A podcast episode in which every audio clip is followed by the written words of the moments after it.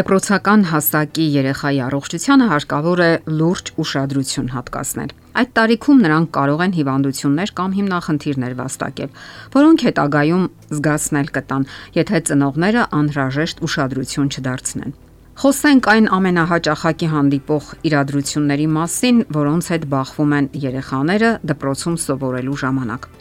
Ժամանակակից դպրոցականները հաճախ են բախվում այնպիսի խնդրի, ինչպիսին է քրոնիկական գերհոգնածությունը։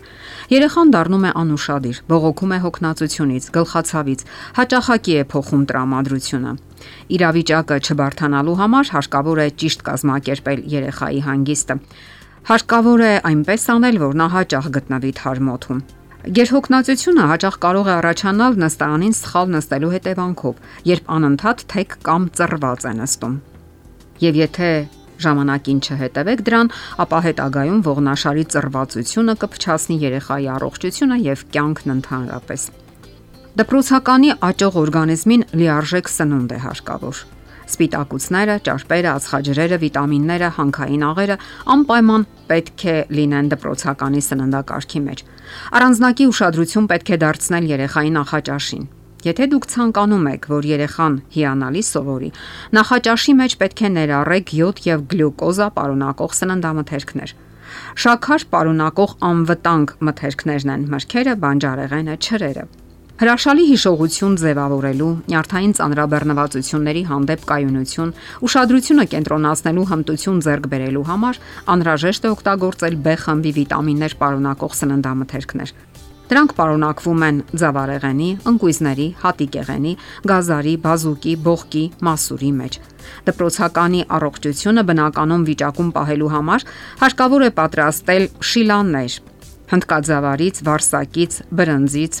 Իսկ շիլաների մեջ կարելի ավելացնել ընկույզներ կամ հատապտուղներ, սալորաչիր, չամիչ, քերած խնձոր կամ նուր։ Այսպիսի նախաճաշը արագ է պատրաստվում եւ պատասխանում է աճող օրգանիզմի բոլոր պահանջներին։ Իսկ ահա թեյը, սուրճը եւ կոֆեին պարունակող այլ մթերքները հարկավոր է բացառել։ Հարկավոր է բացառել նաեւ յուղոտ, սուր, սննդամթերքները, աղի միսը, նույնը վերաբերում է նաեւ ձկանը։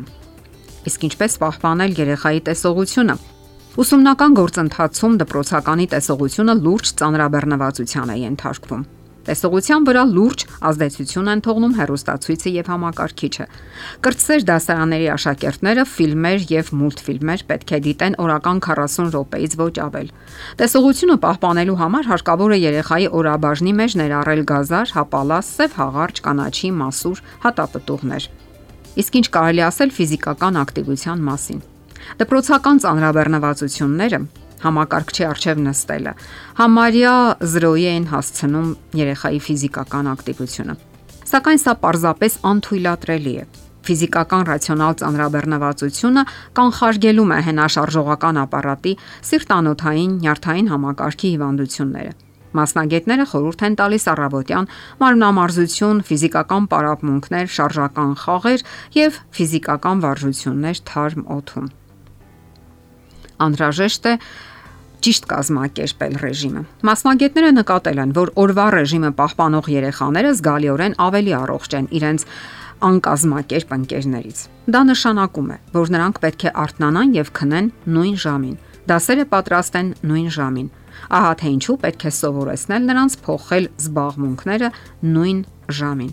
Դրանից բացի լավ կլինի հերթագայել մտավոր եւ ֆիզիկական ծանրաբեռնվածությունները։ Շատ օգտակար կլինի նաեւ, եթե երեխան դասերից հետո դպրոցում որևէ մարզական խմբակի մասնակցի։ Իսկ քնի կարևորության մասին պետք է միշտ հիշել։ Նկատենք, որ երեխաների զգալի մասը քնի պակաս է զգում կապված այն բանի հետ, որ առավոտյան դասերը վաղ են սկսվում։ Իսկ իրենք ուշ են պարկում քնելու։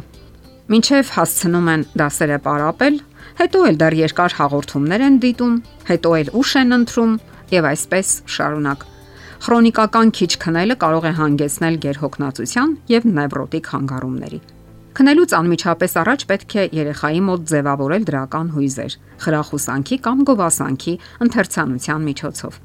Ձեր ընտանեկան ավանդությունը դարձրեք երեկոյան միասին քննարկել օրվա անցուդարձը։ Միասին աղոթեք Դպրոցականի համար անհրաժեշտ է, որ նա վաղ պարկի քնելու, ոչ ուշ, քան 9-ից 10։ Եվ հիշեք, որ գլխավորը սերն է։ Ձեր երեխայից ճափազանց շատ բան մի պահանջեք։ Բոլորովին էլ պարտադիր չէ, որ ձեր երեխան դպրոցում միայն 5-եր ստանա, կամ էլ բոլորը մատով ցույց տան նրան։ Պետք չէ հանդիմանել երեխային, եթե նա բավարար է ստանում։ Դրանից նրա մոտ միայն անլիարժեքության համալիր կառաջանա։ Ավելի լավ է գովաբանել նրան ջանքերի համար, ամենափոքրիկ հաջողությունների համար։ Չէ՞ որ ծնողների համար անհամեմատ ավելի լավ է ունենալ առողջ երեխա, քան հիվանդ, բարթույթավորված գերազանցիկ։ Ներշնչեք երեխային այն միտքը, որ միավորների քանակը չէ, որ որոշում է նրա հնարավորությունները, եւ որ դուք սիրում եք նրան անկախ օրագրի պարունակությունից։ Սերը որոշիչ գործոն է երեխայի բնավորության զարգացման առողջ հոգեբանության համար։ Դե ինչ, ուրախadir եղեք, երեխան արժանի է դրան։ Եթերում է ընտանիք հաղորդաշարը։ Ձեզ հետ է Գեղեցիկ Մարտիրոսյանը։